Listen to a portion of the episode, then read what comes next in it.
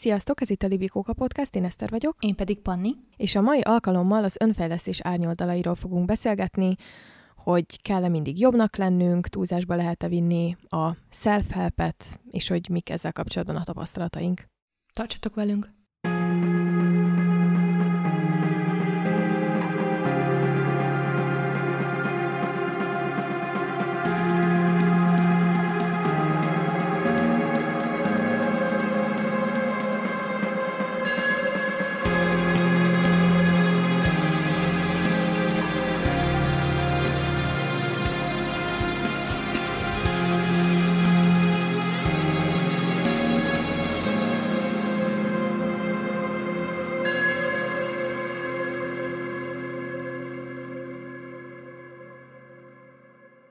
Szerintem első körben így meghatározhatnánk, hogy egyáltalán mi, a, mi minősül self-helpnek, meg önfejlesztésnek. Ez egy jó kiinduló pont, mert pont ezen gondolkoztam, hogy vajon például a pszichológushoz járás az önfejlesztése vagy nem, és hogy túlzásba lehet-e azt is vinni. Hmm. Oké, okay, ezt, ezt muszáj elmondanom így on the record, hogy beütöttem, hogy mi az önfejlesztés, és az első találat egy MLM építők nevű oldalra visz hogy mi az önfejlesztés, úgyhogy köszönöm szépen, de nem őket fogjuk komolyan venni. A második találata 15 tip nőknek az önfejlesztés módszerei. Jesus, lehet kéne csinálnunk egy külön epizódot, ahol csak ilyen idióta cikkeket olvasunk, és azokra reagálunk, mert ez katasztrófa. Azt mondja az egyéniségépítés.hu, hogy az önfejlesztést egy hatékony gondolkodásmódból eredő cselekvés sorozat szokás. Ez az alapja a folyamatos sikereknek.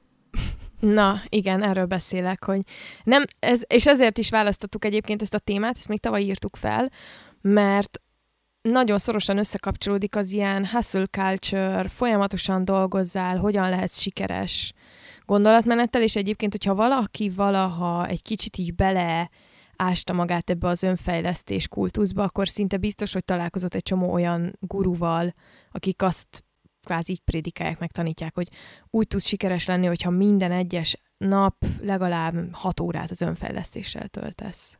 Egyébként ezen az oldalon még van egy érdekes mondat, az olyan ismeretek, amelyek jobbá teszik egyéniségedet, megérik a befektetett időt, pénzt és fáradtságot. Na hát de most azt ki dönti el, hogy mi az, ami megéri, vagy mit jelent az, hogy megéri? Na igen, tehát hogy igazából meghatározhatatlan, ez pont olyan, mint hogy sikeresebbé tesz, de akkor definiáljuk, hogy mit jelent a siker, érted? Mert most, ezt most így költői kérdésnek mondom, mert hogy nekem nem ugyanazt fogja jelenteni, amit neked, és amit neked jelent, valószínűleg nem ugyanazt jelenti a valaki másnak, tehát hogy mindenkinek mást jelent a siker, de gondolom arra a következtetésre jutok ebből egyébként, ebből a kb. három perces piackutatási eredményből, hogy itt a siker az mindig a szokásos pénz, hatalom, státusz. Anyagi javak. Hármasával, igen, meghatározható.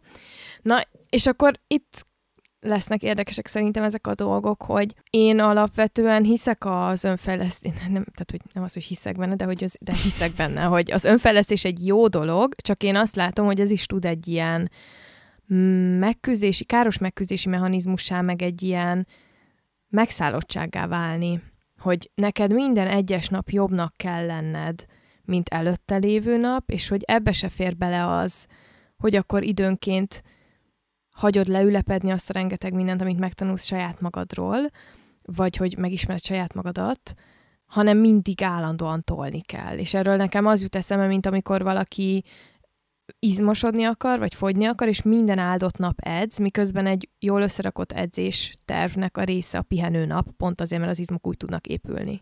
És mint több terápiás folyamatot végigcsináló ember, állíthatom, hogy a terápia utáni úgymond csöndes időszak, amikor nem beszélgetsz heti szinten egy pszichológussal, legalább annyira fontos felismeréseket hoz, mint az, amikor benne vagy a terápiában. Amikor magadba szállsz.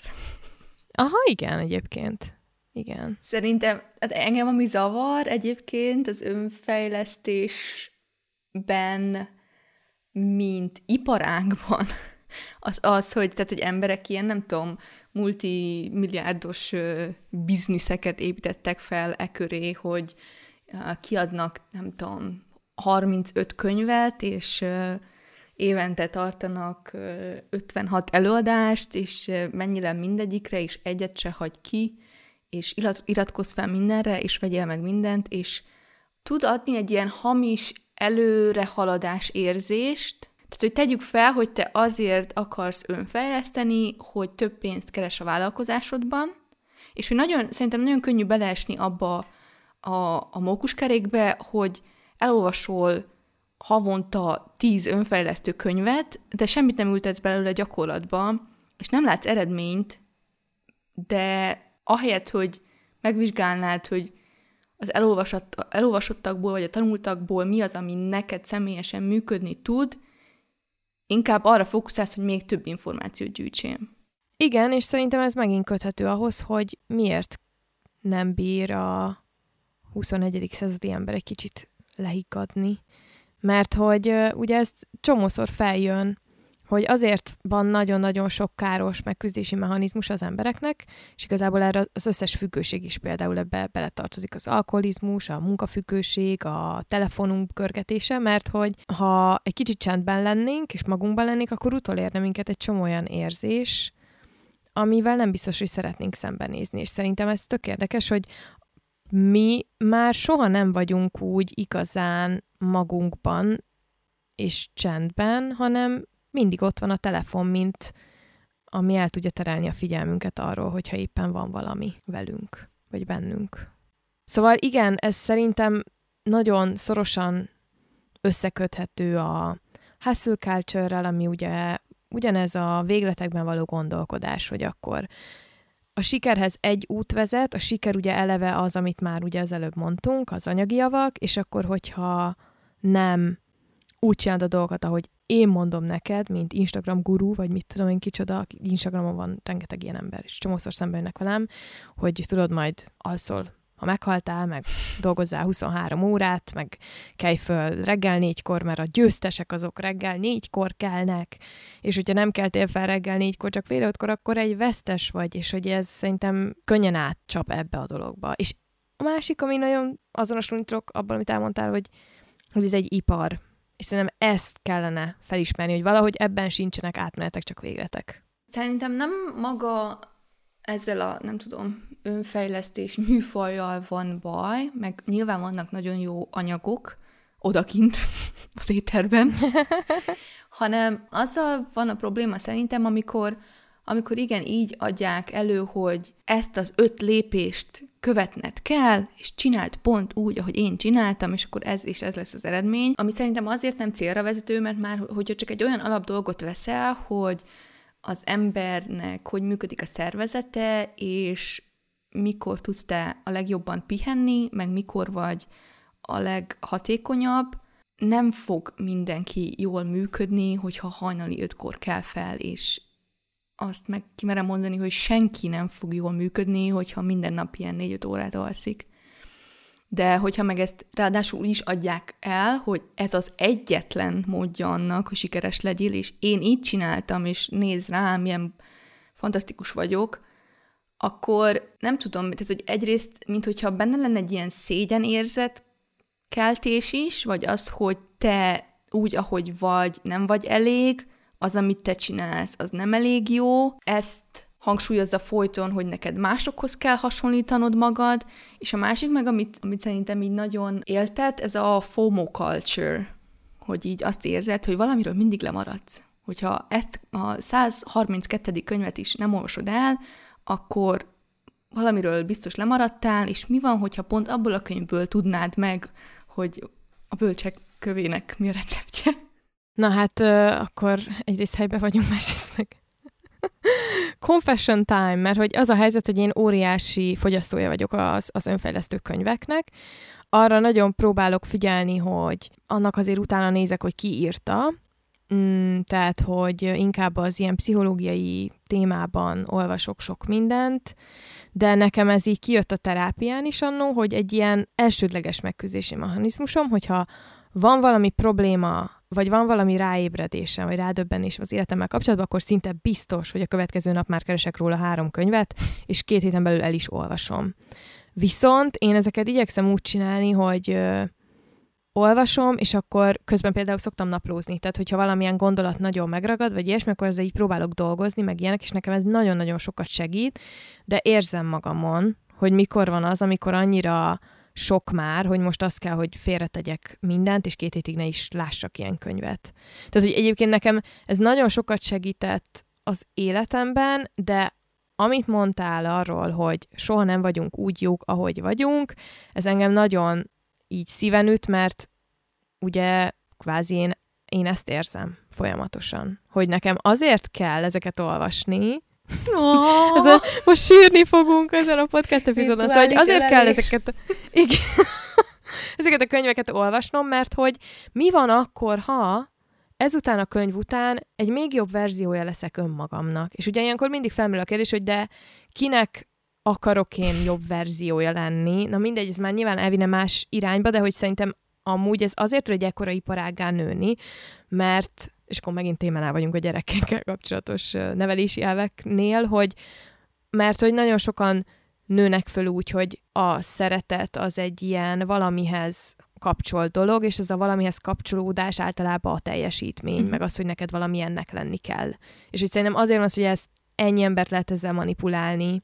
És most ez tök fontos szerintem különbséget tenni a, a kóklerek és a tényleges tudományos alapú könyvek között, vagy hogy mondjam ezt. Tudom, hogy ez megint egy ilyen, ilyen darásfészek, mert hogyha valakinek segít, hogy elolvas egy ilyen nagyon kóklerségnek tűnő könyvet, az tök jó, az tök jó, csak a különbség a kettő közt az, hogy egyrészt szerintem ezzel tök nagy károkat lehet okozni, hogyha valami hülyeség van abba leírva, ami mondjuk ilyen álpszichológiai dolog, másrészt meg a pszichológiai könyveknél én azt látom, hogy azért alapvetően igyekszik mindig felhívni a figyelmet, hogy mélyebbek ezek a kérdések annál, amit te egy könyvben el tudnál olvasni, és meg tudnál fejlődni magadnak. Tehát én is úgy olvastam ezeket, hogy például a terápiámhoz illeszkedve olvastam a könyveket, és aztán bevittem a terápiára, és ott beszélgettünk azokról a dolgokról, amik ebből így nekem kitűntek. Na mindegy, nem akarom nagyon messzire venni, úgyhogy inkább átrom a szót. Sosem fogom befogni. Nekem így, ami beugrott, annak kapcsán, hogy nézz utána, hogy kitől olvasol, hát nekem a Jordan B. Petersonnal volt egy ilyen élményem, nem tudom, hogy ezt an- ja. annó megbeszéltük-e. Egyébként hmm. én nem olvastam tőle, vagy inkább azt mondanám, hogy szerencsére a háttérinformációk hamarabb kerültek a kezembe róla, mint a könyve. De hogy például vele kapcsolatban az volt számomra megdöbbentő, hogy egyrészt egyetemen tanít, másrészt meg igen, nagyon sok értelmes ember egyébként szereti az ő könyveit, és... Miközben egy nőgyűlölő? Miközben például. Ö, visszavonom. Vannak nagyon, nagyon erősen megkérdőjelezhető nézetei neki. Én egyébként olvastam mindkét könyvét, és az egyiknek, a, az első könyvélményemnek a felénél jött velem szembe róla több olyan cikk is, ami összegyűjtötte például a nagyon problematikus kijelentéseit, mert hogy ő alapvetően egy ilyen nagyon konzervatív gondolkodású valaki, és hogy én látom, hogy nagyon sok embernek segítenek a tanácsai, meg a könyvei, és szerintem csomó mindent el tudsz magaddal vinni, hogyha úgy olvasod egyébként a könyvet, hogy jó, akkor mi az, ami tudok hasznosítani, a többi az meg nem érdekel, de valahogy onnantól ez egy megkeseredett nekem ez az egész, mm. hogy, hogy nagyon hallottam azért benne az, hogy ő nagyon ezekben az ilyen klasszikus nemi szerepekben hisz. Tehát kicsit olyan érzésem, mintha megpróbálná a szellemet visszagyömöszkölni a palackba, és hogy nálam ez így nem működik, ma is szerintem senkit nem fog meglepni. Hát meg szerintem az ilyen műfajoknál azért is nehéz, mert nem tudom, tehát hogy még művészeti alkotásoknál is ott van az, hogy például, nem tudom, most vegyük a, a Rollingot, akinek ugye szeretjük a könyveit. Ma, ma második óriási nagy életveszélyes téma, igen. Csak azon rögök, hogy így ma nem, ma nem szarra gurikázó, Panni. És akkor így, um, hát ugye az utóbbi években kiderült, hogy uh, neki is van egy, nem tudom, mondjuk így egy sötétebb oldala, vagy egy nem annyira kedves uh, oldala, és hogy, de hogy azt akarom mondani, hogy szerintem művészeti alkotásoknál azért, hogyha akarod, könnyebb szétválasztani a magánéletét, meg a, a, az alkotásait, de önfejlesztő könyveknél, hogyha meg nagyon szét akarod választani valakinek a személyiségét attól, amit ír, akkor az egy óriási disz- diszkrepancia, és az meg számomra teljesen elhitelteleníti az illetőt. Igen, egyébként eddig nagy részt, ö, sőt nem, tehát eddig csak önfejlesztő könyvekről beszéltünk. Egyébként ennek most így nem néztem utána, de szerintem azért alapvetően a, ez, ez, ez a biznisz. Tehát az önfejlesztő iparág az nagyrészt könyvekben létezik, és akkor az elmúlt években vannak már mindenféle ilyen motivációs előadások, meg programok, amikkel részt lehet venni, Podcastek. meg online meg podcastek, igen, igen, igen, és akkor ez tényleg olyan, hogy nagyon nehéz meghatározni, mert most például kérdés, hogy amit mi csinálunk, az most önfejlesztés téma, mert azt hiszem abba a kategóriába raktam bele magunkat, de hogy ez nem ugyanaz, mint hogyha üvöltenénk a mikrofonba, hogy meg tudod csinálni, meg tudod csinálni. Tehát, hogy van különbség a kettő közt, elég erős különbség. Egyébként az én ismerkedésem ezzel az egész önfejlesztő kultúrával, vagy nem, nem is tudom, hogy hívjam ezt, az képzeld, hogy a Titok című könyv volt. Nem is a titok, az erő, mert hogy ugye annak is megjelent egy csomó változat. Azt nem tudom, hogy biztos vagyok benne, hogy ezért ezt már így mindenki el tudja helyezni, és ő, neki készült egy filmváltozata is, ami hát nagyon-nagyon vicces. Egy gicsparádé. Egy gicsparádé, az ilyen áldokumentumos elemekkel, meg minden, de az az érdekes, hogy nekem az a könyv egy, az életemnek egy olyan szakaszába került a kezembe, amikor nagyon sok mindent el tudtam belőle vinni, és nem a nem olyan szempontból, ugye miről szól ez a titok, arról szól kvázi, hogy ha jó dolgokra gondolsz, akkor jó dolgok fognak veled történni, ez így lehetne leegyszerűsíteni, és be tudod vonzani magadhoz ezeket a dolgokat, de ez nagyon sokszor így annyiban megáll az, ez a tudomány, hogy csak ülj le, vizualizáld, és meg fog történni. És ugye azért, hát ez ennél bonyolultabb nyilván, de nekem az egy olyan életszakaszomban volt, amikor nagyon nagy szükségem volt arra, hogy egy kicsit így perspektívát tudjak váltani. Hogy ne csak a nyomorommal foglalkozzak állandóan, hanem úgy legyen egy ilyen, hát egy ilyen váltás abba, hogy mire figyelek meg, mivel hogyan foglalkozom, és van nagyon sok olyan dolog, ami a mai napig elkísér, pedig most így elolvasom a könyvet, és úgy hogy jó, oké, persze. Egyébként én, én uh, teljesen hiszek ebben, mármint nem a titokban, hogy mondhatsz ilyet? De azt hiszem, hogy erről is már beszéltünk, tehát hogy én a manifestációt szoktam alkalmazni, de hogy én ezt úgy, vagyis hogy én úgy gondolom, vagy én úgy tudom elképzelni, hogy ez úgy működik, hogy egyszerűen magadnak segítesz azzal, hogyha tisztázod, hogy mi az, amit akarsz. Most feltétlen, vagy függetlenül attól, hogy képeket ragasztasz ki a falra, vagy leírod, vagy nem tudom, naponta három percet azzal töltesz, hogy erre gondolsz, hogy mit szeretnél, de hogy egyszerűen rááll az agyad arra, tudat alatt is, hogy keresi a megoldásokat, hogy azt, azokat a dolgokat hogyan tudod megvalósítani, és akkor egyszerűen könnyebben észreveszed például lehetőségeket, vagy nyitottabb leszel olyan személyekre, akik segíteni tudnak ezekben a megvalósításokban. Szóval ebben én teljesen hiszek, csak hogy igen, a titokkal is szerintem az a baj, hogy úgy adja ezt elő, hogy nem kell csinálni semmit. Tehát, hogy így kilököd az univerzumba, hogy te mit szeretnél, és az univerzum így visszadobja rád a piros autót. És, és hogyha nem sikerül, akkor az azért van, mert nem akartad eléggé. Nem hittél benne eléggé. És szerintem egyébként most nem merek rá megesküdni, mert nem tudom, mert nem voltam ott nyilván, de hogy szerintem azért a titok volt az, ami kinyitotta így a kaputa annak, hogy mainstreamé tudjon válni az önfejlesztésnek ez a módja, ez a New Age-es, ezoterikus önfejlesztés. És aztán utána kezembe került, egy barátnőmtől kaptam, aki ebben így nagyon benne volt, egy Brian Tracy könyv, nem tudom, hogy ez megvan-e. Uh-huh. Na, és akkor az volt olyan, hogy a felénél így elhajítottam, pedig akkor még gimnázi- gimnáziumba jártam. Könyveket nem dobunk el ezt? Beszéljünk valami, itt van mögöttem valahol. De képzeljétek el, hogy így be van, tehát, hogy annyira szégyeltem, hogy ezt olvasom, mert nagyon sokat olvasom utazás közben, hogy be van csomagoló papírba a borítója csomagolva, hogy ne lehessen megmondani, hogy mi az.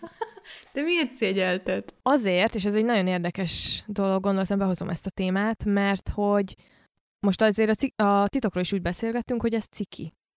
És hogy annyira furcsa nekem az, hogy van ez az egész önfejlesztés témával, főleg az ilyen Brian Tracy jellegű önfejlesztés témával egy ilyen ezzel kapcsolatban egy ilyen ellenérzés az embereknek, hogy ez mennyire gáz, hogy te éneket olvasol, és hogy izé... Te ezzel még nem találkoztál? Hát lehet, hogy csak én voltam nagyon hmm. ítélkező közegbe. Nem tudom, vagy én, én azt sem mondanám, hogy a, hogy a titok ciki, vagy hogy azt, aki a titkot elolvassa, azt el kell ítélni. Inkább csak azt mondom, hogy bármit olvasol, meg nézel, meg hallgatsz, azért a kritikus gondolkodást azt vidd magaddal, és hogy, hogy nem kell semmit szó szerint egy az egyben elfogadni úgy, ahogy van, csak azért, mert azt valaki egyszer leírta, vagy azért, mert ne Isten Facebookon megjelent. Tehát, hogy... Nem mondd ezt, komoly, úristen, amit a Facebookon írnak, az nem mindig úgy van. Őrület. Pedig tudod, mit tudtam meg a Facebookról? Pont, pont tegnap előtt, hogy igazából nem az oroszok vonultak be annak idején Magyarországra, nem az ukránok, jó? Csak hogy így legyen egyértelmű mindenki számára. Remélem nem csapja le a Spotify podcastunkat a elhírtájlesztés miatt. Na de hogy visszatérek a kérdésedre, nem. Tehát, hogy az én szüleim például, ők is ilyen buzgó önfejlesztők, és hogy ezt így, ezt így, ezt így átadták nekünk, meg hogy úgy az ő baráti körükben is ez, ez úgy, nem tudom, menő dolog. Szóval, hogy nekem inkább ezt tanították, vagy ezt állították követendő példaként. A barátaim körében meg, hát nem tudom, vagy nem érdekelt, hogy mit gondolnak erről, vagy, vagy egyszerűen nem érdekelt senkit, mert hogy nem, nincs igazából olyan emlékem, hogy valaki is beszólt volna. Vagy lehet, hogy engem csak egyszerűen elkönyveltek így könyvmójnak, és akkor meg onnantól kezdve mindegy volt, hogy mit olvasok. Én voltam a magyaros. Igen. Egyébként én is nagyon, tehát én is könyvmoly voltam egészen fiatal koromtól, de nekem nem volt mindegy, hogy mit olvasok. De ennek inkább ilyen, mindegy, ennek ilyen családi oka volt, hogy nem lehetett akármit olvasni, de Hát nem tudom, nem tudom, mert kíváncsi vagyok, hogy mások mit mondanak, hogy ők ezt mennyire élték meg cikinek, mert nekem ebben az egészben az a fura, hogy egyik oldalról legyél jobb verziója önmagadnak, de másik oldalról csinál titokba. Mert hogyha ilyet olvasol, akkor az ciki. És ez nem szabad. Figyelj, mondok egy másik példát. Szabó Péter megvan? Szabó Péter jelenség? Uh-huh. Na hát ő például, ha bárkinek elmondod, akkor forgatni fogja rá a szemét, és pofákat vág. Amit bizonyos szintig tudok, meg tudom érteni, hogy mire vonatkozik ez, de közben meg, ha valakinek pont ez segít abból, hogy kimászon a gödörből, akkor neki miért kell még emiatt is rosszul éreznie magát, hogy neki ez segített? Erre kapcsolódva, hogy, hogy mi segít kimászni a gödörből, itt egy az ponton mondtad azt, hogy az önfejlesztésnek ugye az kellene legyen a szerepe, hogy önmagad jobb verziójává válj. De szerintem igen, tehát hogy itt, ott bukik el a dolog, hogy kinek mit jelent az, hogy önmaga jobb verziója, vagy hogy önmaga legjobb verziója, mert számomra önmagam legjobb verziója az az, amikor egyensúlyban vagyok saját magammal. De hogyha meg folyton XY-hoz, meg idegenekhez, meg idegeneknek a teljesítményéhez hasonlítgatod magad, és idegeneknek a tuti bevált tipjeit akarod erőszakkal ráhúzni a saját életedre, azt úgy valahogy nem látom, hogy hogy fog a belső egyensúlyhoz elvesz, elvezetni. Én egy kicsit messzebbről indítanám, és azt mondanám, hogy eleve miért az az alapfeltevés ennek az egész önfejlesztés témának, hogy te nem vagy jó úgy, ahogy vagy. És hogy igazából bármennyit is dolgozol magadon, vagy bármennyi könyvet olvasol, soha nem lesz olyan, hogy kész vagy, mert amit mondtál te is, hogy mindig van egy újabb könyv, mindig kijön egy újabb kutatás, mindig el lehet olvasni valami újdonságot, mindig van egy újabb terület, amin lehet fejlődni, és hogy ez a tökéletességre való törekvés, az, ami igazából, ha belegondolunk mélyebben, ezt nem lehet megcsinálni, de mégis azt az érzést keltik benned, és sajnos sok esetben még fizethetsz is azért, hogy újra meg újra ezt éreztessék veled, hogy tök mindegy, hogy mennyit próbálkozol, mert sosem leszel elég jó. Meg hogy egyébként is mindegy, hogy mennyire vagy gazdag, mert bármikor, vagy mindig lehetnél gazdagabb. Hát igen, ez Ha még meg nem veszed a Twittert, addig Harmadik uh, kőkemény téma, amit bedobtál a mai alkalomra. Szerinted van-e különbség, most nyilván ez kicsit irányított kérdés lesz, de hogy van-e különbség az önfejlesztés és a pszichológiai önfejlesztés között? Egyébként az, az ugrott be közben nekem, hogy például, ha valaki templomba, templomba jár, szerintem az is önfejlesztés. Szóval így ezzel válaszolva a kérdésedre, egyébként igen, hogy a pszichológushoz jársz, szerintem az is önfejlesztés, de hát nyilván van különbség mindegyik között. Egy ö, ilyen életmód témában működő vállalkozásnak csinálok ö, piackutatást, hogy milyen online termékek vannak ilyen önfejlesztés, meg életmód fejlesztés témában. Hát az a mennyiségű ilyen ezospiri, és ezt most tényleg értsetek a lehető legjobban, tanfolyam, ami fent van a magyar piacon, ami online elérhető több tízezer forintért, adott esetben több százezer forintért, amik ilyen fél megoldásokat kínálnak alapvetően nagyon komoly problémákra, traumákra, fel nem oldott, nem tudom, anyasebbre, ami, amit el tudsz képzelni, ez számomra azért döbbenet, mert ezek nyilván, tehát most ezt nem tudom megmondani, mennyit vásárolnak meg belőle, de én általánosságban azt látom, hogy ezek nagyon kellendőek itthon, miközben a pszichológia még mindig egy stigmatizált dolog. Tehát, hogy, hogy miért van az, hogy emberek előbb elmennek egy, nem tudom, önfejlesztőnek mondott, így kapcsolódja a belső gyermekeddel workshopra, kifizetnek érte 40-50 ezer forintot, mint hogy elmenjek terápiára, hozzáteszem, hogy 40-50 ezer forintból 3-4 terápiás ülés kijön. Tehát, hogy én nagyon sokszor hallom ezt, hogy azért nem megyek pszichológushoz, mert drága. Szerintem e mögött a gondolkodás mögött az van, hogy ha te elmész egy tanfolyamra, az dicsérendő, mert jobb akarsz lenni valamiben, de hogyha pszichológushoz kell menned, akkor beteg vagy. És az meg szégyen, szégyen, szégyelendő? Mi? Hogy mi ezt? Szégyelendő. Szerintem létezik ez a szó. Szóval, szégyelni kell. Szóval az meg szégyelni, hogyha meg elmész pszichológushoz, akkor ez azt jelenti, hogy beteg vagy, és azt meg szégyelni kell. Az is szerintem az egyik legnyilvánvalóbb különbség, hogy a pszichológus az egyrészt egy egy az egyben tevékenység, ami személyre szabott, ami rólad szól, nem egy tömegcikk, ami nem tudom, kiadnak egy könyvből egy millió példányt, és egy millió embernek működnie kellene annak a tíz uh, jól hangzóan leírt lépésnek. Egyébként szerintem ebben az az érdekes, hogy az önfejlesztő termékek azok igazából ilyen instant megoldást kínálnak.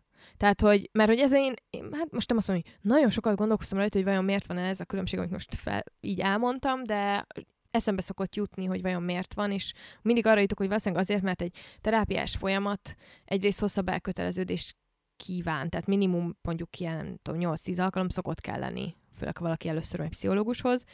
Másrészt egyáltalán nincsen garancia, hogy te attól ilyen hű, de nagyon happy boldog leszel, miközben csinálod, mert azért egy csomószor nagyon nehéz témák jönnek föl, nyilván, és harmadrészt meg nem fog neked azonnali megoldást adni, és hogy olyan érdekes, hogy ezt látszólag egyre többen tudják és felismerik, hogy nem lehet instant megoldást kapni. Amit te is mondasz, hogyha egy millió embernek nyomtatnak ki egy könyvet, akkor az egy millió ember egy millióféleképpen él. Tehát nem létezik egy mindenkire ráhúzható mm, egyen megoldás, de mégis bestsellerek lesznek ezekből a könyvekből. Hát meg a másik dolog az az, hogyha te pszichológus vagy, hogyha terápiába kezdesz, az egy aktív folyamat, tehát hogy tőled az, vagy hogy csak akkor fog működni, hogyha te aktív cselekvője vagy annak a tevékenységnek, hogyha az ott megbeszélteket aztán szépen viszed az életedbe, és gyakorlatba ülteted, és változtatsz dolgokon, és határokat húzol, stb. Míg, hogy, míg... Ami kínszenvedi. szar, szar. Uh, míg ezek az előadások úgy vannak eladva, hogy uh, neked csak oda be kell ülni két órát, meghallgatod, amit elmondanak neked, Meg van oldva az élet. Minden jobb lesz. Uh-huh. Jó, hát akkor most mondjuk ki, hogy ez igazából megint a kapitalizmusnak köszönjük. Csak hogy én lőjem helyben vagyunk előddel. Igen, itt is helyben vagyunk, mert hogy az, hogy ebből termék lesz, és ipar ág lesz belőle, az nyilvánvalóan ennek a következménye. Mármint ennek a rendszernek, amiben élünk, hogy ezt ki lehet használni. Ki lehet használni um, traumatizált, az életükben elakadt emberek tömegeit arra, hogy eladjunk nekik valamilyen terméket, ami majd látszólagos megoldást kínál, miközben egy csomóan azért vannak szarul, mert egy ilyen rendszerben rekednek, amiben vagyunk. Ta-ta-ta. Ez kicsit olyan, mint a kiégés, ugye, hogy társadalmi probléma vagy egyéni probléma. Vajon melyik? És hogy lehet a végtelenség próbálkozni, de nem biztos, hogy meg fogod tudni oldani százszerzelékosan a dolgot. Az jött közben eszembe, így a kóklerekről, meg Szapu Péterről, meg hogy mi húz ki a gödörből, hogy nekem az egyik uh, legerősebb olvasmány élményem, meg ami ilyen nagyon sokat változtatott az életemen, az, um, tehát hogy ilyen, tényleg ilyen kézenfoghatóan változtatott, az Neil Donald Walshnak a Conversations with God, a Beszélgetések Istennel című könyve, annak is az első kötete, aminek ugye az az alapfeltevése, hogy a szerző Istennel beszélget. Hogy elhiszem-e én, hogy Isten tényleg beszélt ehhez az emberhez, és hogy ő ezeket a beszélgetéseket írta le, vagy hogy az egész az ő agyszüleménye, vagy hogy egyáltalán a két dolog között van-e különbség, őszintén ezzel nem is foglalkozok, mert úgy vagyok vele, hogy mindegy, hogy honnan jött az, amit ő oda leír, de hogy nekem annyit segített, és hogy annyira tudtam azonosulni vele, meg tényleg hasznosítani, hogy nem számít igazából. De akkor ez most megint visszakanyarodhatunk oda, hogyha van egy, egy művészi termék, vagy bármi, nem tudom, hogy mi ez, nem művészi termék, Alkotás. mi ez? Hát egy alkotás, aha, egy film, egy könyv, amivel neked, ugye ahogy elolvasod azt neked, vagy megnézed, van egy, kialakul egy kapcsolatod ezzel a termékkel. Ez egy, eh, ezt nagyon imádom azt a témát, amikor valakiről mondjuk kiderül, hogy szexuális ragadozó, és akkor felmerül kérdésnek, hogy de akkor mostantól nem lehet megnézni, ugye J.K. Rowling ez nagyon sokszor előjön, hogy akkor égessük a Harry Pottert, gratulálok. Ö, nem, az, hogy most ez kinek mennyibe változtatja meg ahhoz az adott művészeti alkotáshoz való hozzáállását, az egy egyéni dolog, de az is egy tök egyéni dolog, hogy a mű, művel magával kialakul-e kapcsolatom, és hogy milyen kapcsolatom alakul-e ki, és hogy azt el tudja rontani, hogyha kiderül valamelyik alkotóról, hogy egyébként nagyon problematikus volt, ami hozzáteszek zárójában, hogy szerintem, ha végignéznénk a legnagyobb festőkön, akiket úgy tartunk számon, legnagyobb írókon, mindegyik végtelenül problematikus volt, sokkal problematikusabb, mint amit mondjuk mostanában problematikusnak élünk meg, Szóval, hogy ez most megint egy teljesen másik téma, de amit mondasz, azzal teljesen azonosulni tudok, hogy teljesen mindegy végső soron, hogy most az, ami ott le van írva, az úgy volt-e vagy nem, hogyha neked segít. És erre tudok mondani konkrét példát. Amúgy volt egy TED Talk a power pose kapcsolatban, ez nem tudom, megvan-e, hogy egy pár másodpercig, vagy nem tudom, most a pontos részleteit nem tudom, de a lényeg az, hogy van egy ilyen power pose, és hogyha abba beállsz, akkor az nem tudom, ennyivel, meg annyival fogja te életminőségedet javítani, és akkor utólag kiderült, így dibánkolták ezt, elvileg volták kutatás, hogy amúgy nem. Na de, ott van ugye a placebo hatás, amit ugye a mai napig nem tudnak, hogy hogy alakul ki, hogy ugyanakkor esélyed van meggyógyulni, hogyha a placebo gyógyszert kapsz, meg akkor, hogyha sima gyógyszert kapsz, és szerintem ez, ez most nem tudom, hogy mennyire követhető a gondolatmenetem, de hogy kb. ugyanígy tartok én is, hogy ha nekem segít az, hogy power pose-ba állok naponta kétszer, akkor most nem tök mindegy, hogy ez egyébként igaz-e, vagy nem. Most ne a, ne a tudományos részét nézzük, hogy most akkor az mennyire van oké, vagy nem oké, hanem érted, érted a kérdés, ugye? Érted, mondani? Igen, csak azt jutott eszembe, hogy szerintem igazából mind, vagy bármiről, bármivel kapcsolatban mindegy, hogy te mit viszel el belőle, addig, amíg azzal nem ártasz senkinek. Tudtam, hogy ezt fogod mondani. Ó, oh, nem, kiszámítható vagyok. Nem, én nekem is pont így jutott eszembe, hogy na, biztos ezt fogod mondani. Úgyhogy én, én nem mondom, mert te biztos el fogod mondani. Mert most azt jutott eszembe, mondjuk nem tudom, hogy, hogy ilyen neonáci... Uh... Jaj. Vonulatot nézünk, tehát vannak olyan dolgok, amiből lehet, hogy nem lehet jó dolgokat leszűrni. Vagy hogy De egyébként én ezt nagyon imádom, hogy, hogy ezt észrevettem a saját kommunikációmon is, meg a mi podcast epizódjainkon is, hogy amikor mondasz valamit, egyébként a kontextusában teljesen értelmezhető mondatot, akkor is muszáj hozzátenni, hogy nyilvánvalóan nem arra gondolunk, hogyha valakinek az esik jól, hogy kínzott kisállatokról néz videókat, akkor az tök mindegy. Tehát, hogy annyira durva, hogy mennyire hatása van a kommunikációnkra az, hogy attól félünk, hogy ki mit, mármint, hogy az én, én részemről beszélek, hogy attól félek, hogy ki mit fog kiemelni, és szétszedni miatta, és ugyanezt érzem sokszor amúgy, ez most lehet, hogy más téma, de hogy sokszor ezt érzem a privilégium kérdésnél is, hogy nyilvánvalóan tisztában vagyunk vele, hogy önmagában az, hogy önfejlesztő könyveket olvashatunk, az egy privilegizált szituáció. Oké. Okay.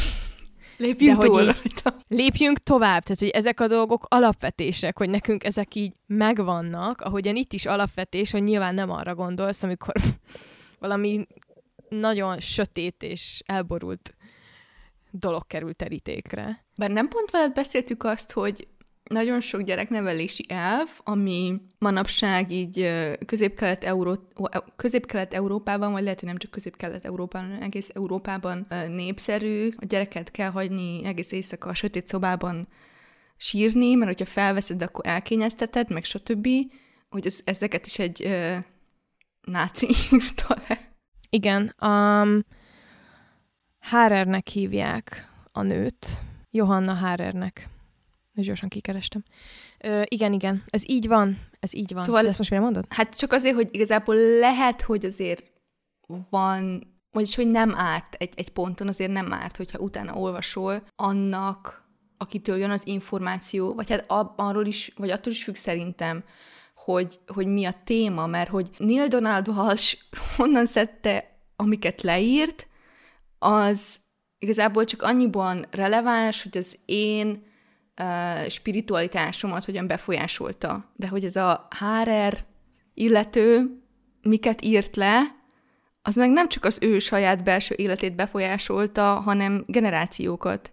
Igen, de minden egyes önfejlesztő könyv alapvetően azért íródik, hogy benne is van nevébe, hogy valakinek segítsen, vagy valakit valamilyen helyzetből kihúzzon. És ez most megint felveti azt a kérdést, hogy oké, okay, de nem lehet mindig mindenben a legvégsőkig ö, utána menni az információnak, mert egyszerűen nincsen ennyi időnk. Igen, csak én azt, vagy hogy itt inkább arra gondoltam, hogy ha én elolvassuk egy könyvet, és leszűrök belőle dolgokat, és hogyha mondjuk egy középiskolai tanár elolvas egy könyvet, és leszűr belőle dolgokat, és azokat megpróbálja gyakorlatba ültetni, vagy akár továbbadni, az nem biztos, hogy ugyanaz, mert hogy az eredmény, meg a befolyás szempontjából. Jó, hát akkor most meséljem el, hogy nekünk mik voltak a történelem tankönyvben, meg milyen volt a történelem óránk. Meséld el.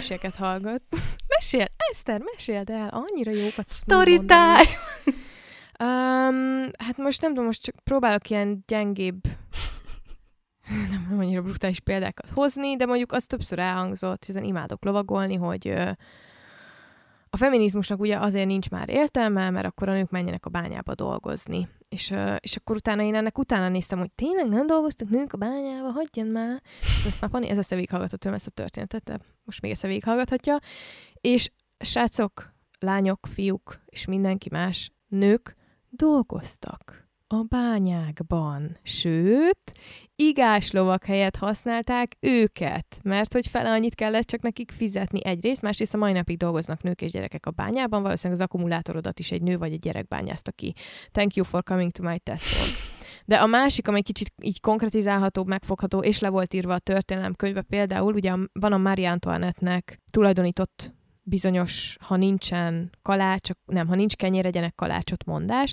Na most ez sosem történt meg, ez egy bullshit. Marie Antoinette-ről nagyon sok ilyen propaganda leírás, meg propaganda cikk jelent meg annak idején, és aztán ez úgy került be a történelem könyvekbe, mint egy tény. És mi így is tanultunk róla, hogy Mária Anton egy hülye picsa És akkor engem ez így wow. nagyon ér... Igen, most tudom, hogy erre most lehet azt mondani, hogy jaj, Eszter, most Kiragadtál egyetlen egy szinte jelentéktelen kérdést a történelem óráról, de én meg azt érzem, hogy alig tanultunk nőkről, és akikről tanultunk, azok is vagy le voltak hülye picsázva, vagy például a Sisi hercegnő egy hisztis picsa volt szintén. Ezekkel a szavakkal tanultuk, mert hogy egy hisztérika volt, mert ki voltak adva azon, hogy a gyerekeit elveszik tőle, meg ilyenek. Szóval, hogy és akkor ott ülsz, hogy azt gondolod, hogy az iskolában megkapod az objektív tájékoztatást, de igazából nem kapsz objektív tájékoztatást. Jó, de objektív tájékoztatás nincs. Tehát, hogy most, ha például veszed a Erdély történelmét, és... A, a... negyedik, negyedik, amit belősz ebbe a sztoriba ma. és akkor most, hogyha nem tudom, tehát hogyha azt olvasod el, hogy az erdélyi magyarok hogyan írták le, vagy a magyarországi magyarok hogyan írták le, vagy a romániai románok hogyan írták le, az összes különböző lesz. És mindenkinek vannak sérelmei, aki, amit szerettek is hangoztatni nyilván. Igen, csak ezzel azt akartam mondani, hogy, hogy elvileg egy történelem tanárnak mondjuk az lenne a feladata, hogy utána menjen ezeknek a dolgoknak. Tehát, hogyha valaki, akkor ő legalább így tisztában legyen a komplexitásával a történelmnek, ami nem azt jelenti, hogy lehet, tehát, hogy nem lehet olyan komplexen átadni témákat, nyilván, nem tudom, heti három órában, de kritikus gondolkodás hiánya, ez nagyon megvan, és ez, ebbe, ezzel szerintem semmi olyat nem mondok. Visszakanyarítva ezt az önfejlesztő könyvek témájára, szerintem ezért is van az, hogy nagyon sok mindent ilyen slágerként és minden megoldó, mindent megoldó megoldásként el lehet adni.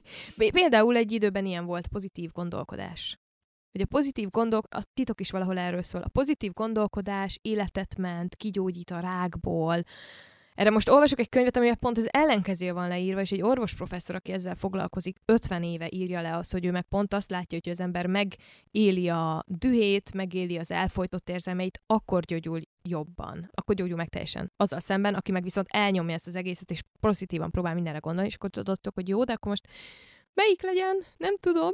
Most akkor gondolkozok pozitívan, vagy ne gondolkozok pozitívan? Ez kicsit olyan, mint a pohár félig tele van-e, vagy félig üres. Ez miért egy ilyen vagy-vagy eldöntendő kérdés?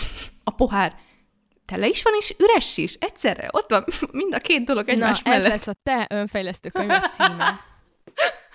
Tele is, üres is. Ja, csak még azt akartam ehhez a, így a, a poénon túl, ehhez a, a pozitív gondolkodáshoz mondani, hogy, vagy, vagy ezzel az egész pohár allegóriával igazából arra akartam célozni, hogy szerintem mind a kettőben van igazság nyilván. Mert hogy a ne... Na hát. Meglepődtél, mi? szóval, hogy nyilván meg kell élni a negatív érzelmeket, és az az egészséges folyamat, de ezen túl mindennapi uh, helyzetekben neked döntési lehetőséged van, hogy arra az adott szituációra hogyan reagálsz. Például nem tudom, hogyha fél órát ülnöd kell a dugóban, akkor megélheted a dühödet, de kérdem én, hogy van-e annak értelme?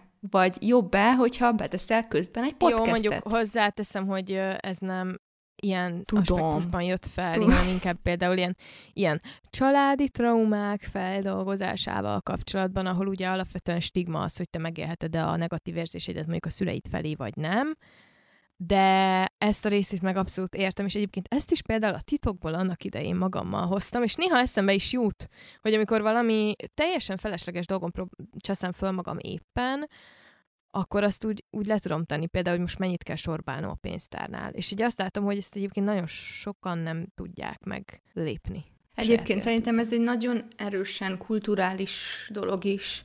Tehát, hogy valakivel beszélgettünk erről nemrég, nemrég aki Balin is élt, és ő mondta, hogy neki, amikor először oda költözött, mennyire furcsa volt, hogy a, az a kultúra mennyire más ilyen szempontból, és hogy ott is vannak sorok, és hogy mindenki nyugodtan kivárja, és az emberek csevegnek egymással, és senki nem sieteti a pénztárost, és a pénztáros meg ilyen nyugodtan, komótosan elvégzi a dolgát, és ugye ezzel így mindenki rendben van. Tehát megint a saját életünket keserítjük meg, amikor idegeskedünk a Lidlnél. hát igen, de tehát, hogy ez meg abból jön, vagy arra vezethető vissza, hogy neked mindig termelni kell, mindig hatékonynak kell lenni, és hogy nem szabad az idődet vesztegetni, már pedig a sorban állás az időpocséklás, függetlenül attól, hogy most tudod-e befolyásolni, vagy nem. És hogy van egy ilyen folyamatos, hát egy ilyen, nem tudom, egy ilyen kényszer, így ami az emberek fölött lebeg, vagy mintha lenne egy lenne egy ilyen, mindig egy ilyen, egy ilyen mutató új, hogy ennyi benye, ennyi benye, nem haladsz. Igen, meg hát amikor mondjuk dolgozol reggel 8-tól délután 6-ig, akkor utána nem még egy órát a Lidlbe akarsz eltölteni. Tehát, hogy Hogyha még vacsorán is kell főznöd, meg megetetni a, az egész családot, meg még Igen, meg még leckét írni a gyerekkel, meg mit tudom én, és akkor így megy el az egész életed, jaj. Jej. Hát most azért így elég sokat mocskoltuk az önfejlesztést, de mondj valami jót is, Eszter, mondj valami pozitívat. Azt nagyon szeretem ebbe az egészbe, hogy elérhetővé váltak ezek a témájú dolgok. Na, magyarul próbálok beszélni a podcast végére.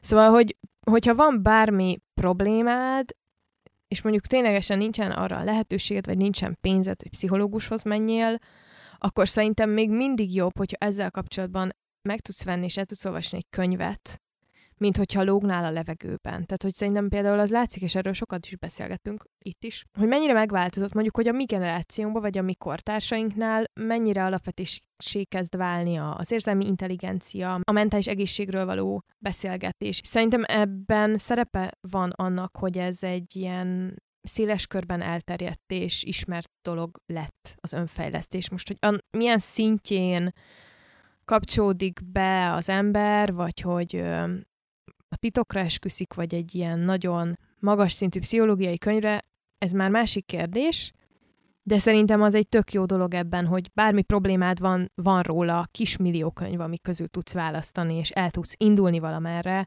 Nekem például abban nagyon sokat segítenek ezek a könyvek, hogy felismerjem, hogy hol van a következő megfejlődni való dolog, és most itt ö, elsősorban nyilván ilyen traumafeldolgozással, meg akár munkamániával kapcsolatos dolgokra is gondolok, hogy én nagyon szeretem azt, hogy mindig van valami új perspektíva, amit be tudok hozni az életembe. Én, én ezt nagyon élvezem. Az, hogy ez mennyire egészséges, ez már egy másik kérdés, de ez meg ilyen önismereti dolog, hogy én ezt elfogadtam, hogy nekem ez így működik, és innentől kezdve meg nem érdekel, hogy ki mit szól hozzá. Hát meg egyáltalán, hogyha megpróbálsz így vagy úgy szembenézni egy problémával, és uh, megoldást keresni rá, az még mindig sokkal jobb, mint hogyha csak így szőnyeg alá söpröd, most attól függetlenül, hogy elmész a pszichológushoz, vagy inkább meghallgatod a podcastünket. ne, inkább, ne, ne, ne a podcastünket ne a pszichológus helyet használjátok, légy szíves. Egyébként én azt nagyon vallom, és ezt nagyon sok pszichológus is mondja, hogy van nagyon-nagyon sok minden, amit nem fogsz tudni egyedül megoldani. Tehát van egy pszichológus, akit követek az Instán, és akkor hozzá rendszeresen futnak be ilyen kérdések, hogy van ez a problémám, elolvasom ezt a könyvet, akkor megoldódik. És azt szoktam mindig mondani, hogy nem, mert hogy a pszichológusnak alapvetően szerepe az nem az, hogy felolvas neked, amit a tankönyvben tanult, hanem hogy tükör legyen, és csomó olyan dologra rá tudjon mutatni, amit te nem fogsz tudni észrevenni, meg észlelni. Viszont abba, hogy felismert, hogy merre kell egyáltalán elindulnod, vagy felismert, hogy mivel van egyáltalán problémád, vagy ráismerjél arra, hogy mondjuk épp egy bántalmazó kapcsolatban vagyok, vagy mondjuk a szüleimmel nem volt éppen ide is a gyerekkorom, pedig eddig azt gondoltam, hogy igen, ehhez szerintem egy könyv nagyon jól tud jönni hogyha az önfejlesztésnek a pszichológiai irányába megyek. De én rengeteg ilyen vállalkozói, meg üzleti önfejlesztő könyvet is olvasok, és minél többet olvasok, annál gyorsabban ki tudom szűrni, hogy valami bullshit vagy nem. Úgyhogy ilyen szempontból is szerintem azért azt tud segíteni, hogyha nagyobb mennyiségbe olvas ezeket az ember, hogy azért egy idő után ráérez arra, hogy akkor most mi az, ami okés, és mi az, ami meg olyan fura. Szerintem igazából az a fontos, hogy, hogy maga az önfejlesztés válik-e a megküzdési mechanizmusoddá, vagy azt egy eszközként használod arra, hogy megküzdj a problémáiddal? Igen. Ha bár ezt hozzáteszem, hogy ezeknek a könyveknek, bármilyen témában is beszélünk, hogyha úgy van megfogalmazva, hogy azt látod, és azt érzed, miközben olvasod, hogy fú, de jó, hogy nem vagyok egyedül, ez is már tud gyógyító hatású lenni. És most megint csak szerintem majdnem mindegy, hogy egy ilyen pszichológiai problémáról van szó, vagy arról, hogy nem tudom, szeretnél a vállalkozásodba több pénzt, és hogy hogyan fogod ezt megszerezni. Hát meg, hogyha már megküzdési mechanizmusokról beszélünk, azért vannak ennél sokkal rosszabbak. Tehát, hogy akkor már, ahelyett, hogy valaki alkoholista lesz, mondjuk, akkor inkább olvasson millió önfejlesztő könyvet. Ez egy nagyon érdekes kérdés, ezen én Na ezen sokat gondolkozom, főleg így a munka mánia, meg a munkával való megküzdés kapcsán, hogy most akkor vajon melyik a jobb. Vagy hogy azért gondoljuk, hogy jobb például a munkamánia ennél, mint alkoholista lennél, mert társadalmilag ez egy elfogadottabb dolog, és most nyilván tisztában vagyok az alkoholizmusnak az egészségi hatásaival, vagy tényleg lehet-e jobb valamilyen függőség a másiknál, de nyilván ez már egy másik kérdés, meg te amúgy is megküzdési stratégiára gondoltál. Elsősorban csak szerintem a megküzdési mechanizmusokból könnyen lehet megint csak átesni a végletekbe. Nem tudom, hogy miért van az, hogy ennyire végletes a társadalmunk, vagy ez mindig is így volt-e, fogalmam sincs. De erről, erről is sokat beszéltünk, majd miért van az, hogy középen, középen senki nincs. Tehát az arany középúton nagyon kevesen vannak, vagy legalábbis úgy érződik, mintha kevesen lennének. Mindig az van a diétáknál is, hogy vagy zárják ki mindent, vagy egyél csak cukrot, egyél csak húst, egyél nyers húst, egyél csak nyers zöldséget, és nincs egy átmenet.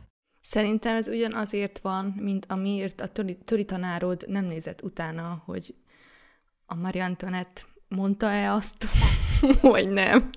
Ez most egyébként a könyvbe volt, ezt nem ő mondta. Ja. Jó.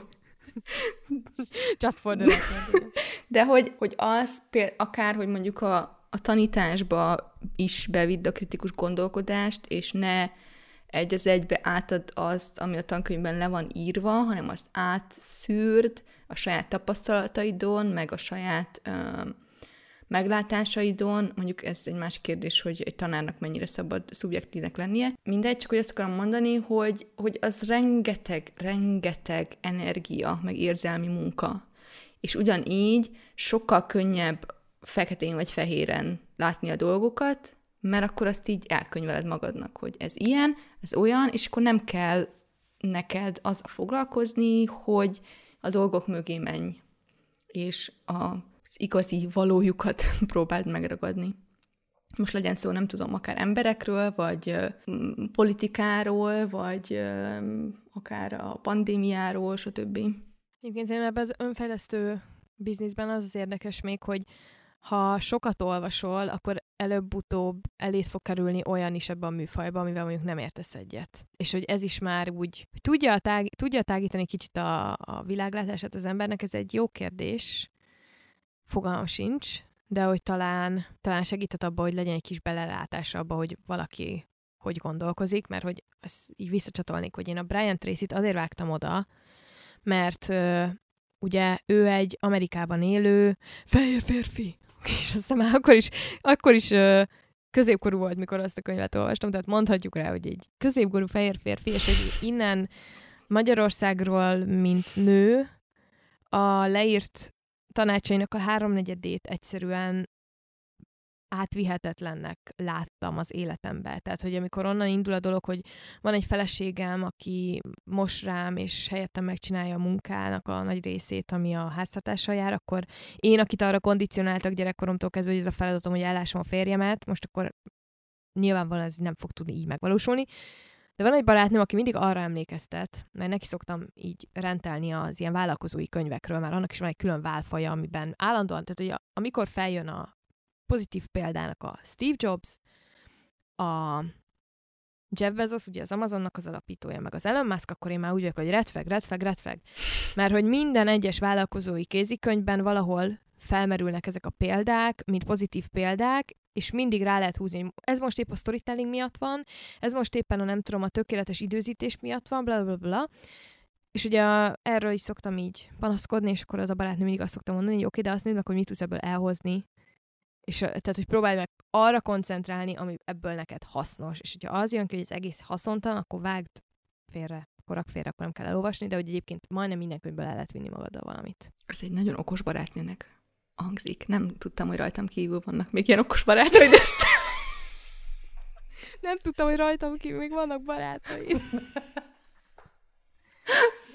És hogy e, például az ilyen típusú emlékeztetők, azok tök jól tudnak lenni, de hogyha még egyszer el kell olvasnom, hogy Steve Jobs mennyire fantasztikus ember volt, akkor komolyan agyfasz kapok, mert hogyha megnézed például, hogy ő magánemberként milyen volt, milyen családi háttérből jött, akkor tökéletesen leírható, hogy az egész sikertörténete arról szól, hogy a traumáiból próbált valamit alkotni, és végül egyébként nem tudom, hogy mennyire volt boldog az élete, szóval hogy most már megint másik kérdés lehet, hogy mi a siker? Mi Miért a boldogság? Az, hogy hogy nagyon szomorú, és, és a saját fájdalmukkal nem, megküzdeni nem tudó embereket rakunk állandóan fel oda. Legfelülre lásd Elon Musk. Tudom mi az, amire még nem válaszoltunk, hogy akkor most, akkor most lehet túlzásba vinni az önfejlesztést, vagy nem?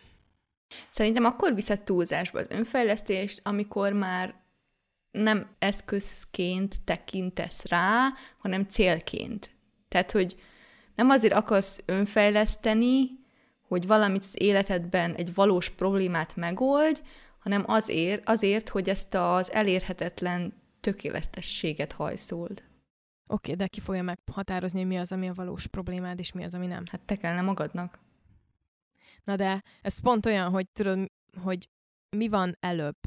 Um, az, hogy eszedbe jut, hogy valamilyen... Majdnem. Hogy eszedbe jut, hogy valamilyen termékre szükséged van, vagy az az igény, amit keltenek benned az iránt a termék iránt. Mert hogy szerintem ez főleg ugye a pszichológiában ugye egy tök alap vetés valamilyen szinten, hogy nagyon sokáig nem is vagyunk tisztában azzal, hogy mennyire el vagyunk cseszve mondjuk. Most ezt úgy értem, hogy mennyire, nem tudom, hogy milyen családból jöttünk, hogy annak milyen hatásai voltak ránk, hogy azokat hogyan ismételjük, azokat a mintákat, és pont ez az, hogy addig, amíg valaki nem mutat rá, hogy figyelj, azt csinálod, addig nem is fogod észrevenni. Tehát, hogy nem fogod tudni magadnak meghatározni ezt. Közben itt azért nevetek, mert eszembe jött megint a borotvás példát, de ami annyira megbotránkoztatott, hogy azóta is eszembe jutott néhányszor, és így Úristen. Elrontottam a borotválkozás élményét, szent ritusát. De, ja, egyébként, egyébként teljesen értelek, ilyen. Mm, meg hát én amúgy is hiszek abban, hogy csak azokat a problémákat tudod megoldani az életedben, aminek a megoldására készen állsz. És igazából az a nagy munka, hogy amíg eljutsz odáig, hogy azt tud mondani, hogy oké, okay, most már kész vagyok, ezt le tudom tenni, vagy le akarom tenni. Igen, csak én azt vettem észre, hogy alapvetően a problémáknak van egy olyan működésmódja, hogy azt hiszed, hogy már letetted, és akkor valahol, hol, valahol máshol előjön ugyanaz a dolog. Ugye én nagyon sokáig próbáltam erre így gondolni, hogy na, hogyha akkor ezt már így ezen túl vagyunk, akkor ez már soha többet nem fog előjönni, és hogy ez sajnos nincs így. És ez is egy tök érdekes dolog, hogy miért, miért nem tudjuk elfogadni, hogy van egy csomó minden, amit valószínűleg életünk végig fogunk cipelni, és hogy azokkal így vagy úgy, vagy amúgy, de meg kell mondjuk időnként Jó, küzdeni, de vagy csak most mondjak nézni. megint egy ilyen polóra írható Na. igazságot, hogy az apró fejlődés is fejlődés, te.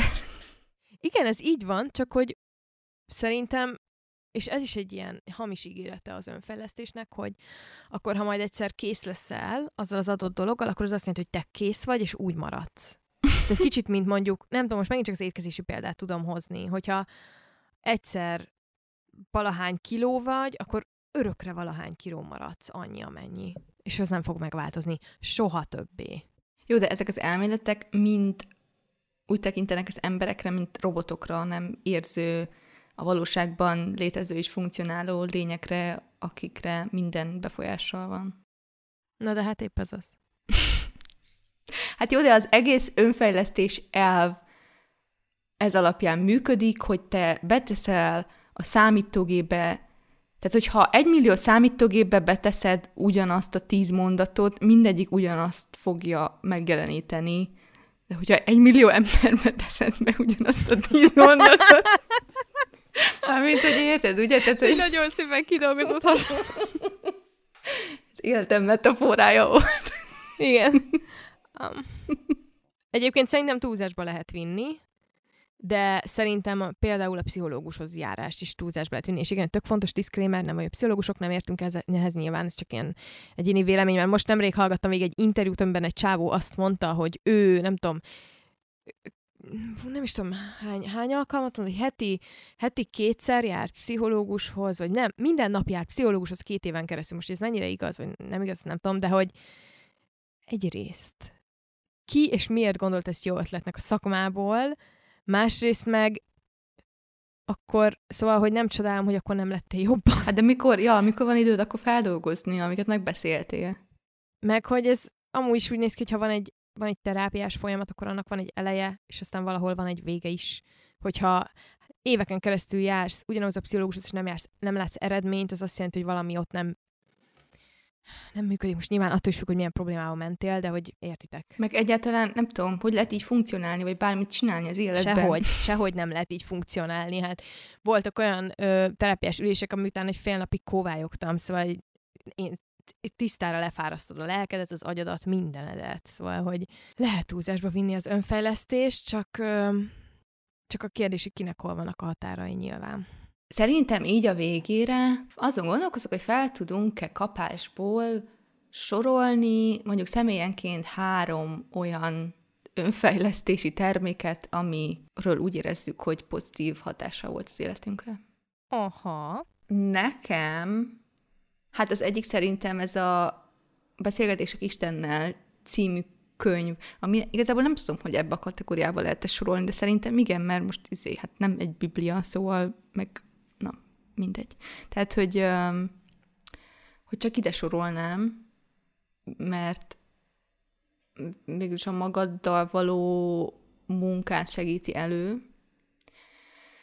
Szóval nekem ez a könyv olyan volt, hogy annak ellenére, hogy nem tudom, nyilván gyerekkoromban jártam vallásórára, meg ilyenek, meg ö, utána így nagyon elvesztettem a kapcsolatomat az egyházzal, és így nem akartam hallani róla. És hogy ez a könyv volt az, ami adott egy olyan perspektívát, hogy nem csak az az istenkép van, amit mondjuk a templomban előadnak, és hogy én ebben a, ebben a könyvben találtam meg azt, amit el tudok fogadni, vagy amiben hinni tudok. Szóval ez mindenképpen egy ilyen volt. Egy másik, ami nagyon meghatározó volt, az a, a Mark Mansonnek a The Subtle Art of Not Giving a Fuck, ami hát pont ebben segített nekem nagyon sokat, amit így felhoztam közben uh, példának is, például az ilyen dugóban ülős szituációk, hogy te magadnak döntsd el, hogy mi az, amin érdemes felhúzni magad, és mi az, amin nem. Meg hogy így egyáltalán nem tudom így valahogy úgy hozzáállni dolgokhoz, hogy ha már két nap múlva nem fog érdekelni, vagy nem lesz hatással az életedre, akkor nem érdemes most azon két órát idegeskedni. A harmadik meg nekem az az Emily Fletchernek a Stressless Accomplish More, amiből megtanultam meditálni. És egyébként annyira érdekes, mert most, miért elutazott volna, Henry hallgatta a hangos könyvet, és hát néha így az autóban hallgatta, és akkor hallgattam vele én is, és rájöttem, hogy hát most már így nem tudom, három éve meditálok napi szinten, és rájöttem, hogy így, így nagyon eltértem attól, amit a könyv javasol, ami nem biztos, hogy rossz, csak azt éreztem, hogy már nem működik nekem annyira, mint az elején, és akkor most elkezdtem megint úgy csinálni, mint hogy a könyvben le van írva, és így tényleg valóban hatékonyabb. Na de akkor mik a tieid? Hát ö, akkor kezdem egy ilyen, ilyen önfejlesztő, önfejlesztő könyvvel, ha bár ezt egy pszichológus írta, aminek az a címe, hogy szemléletváltás, és ezt egyébként csak nem régen olvastam, de nem is tudom, nem is lehetett nagyon gyorsan olvasni, mert ö, minden másik oldalon volt valami, mint így kiemeltem magamnak, és azóta is viszem magammal. Carol S. Dweck írta, de majd úgyis meghagyjuk lent a leírásban. És ez a...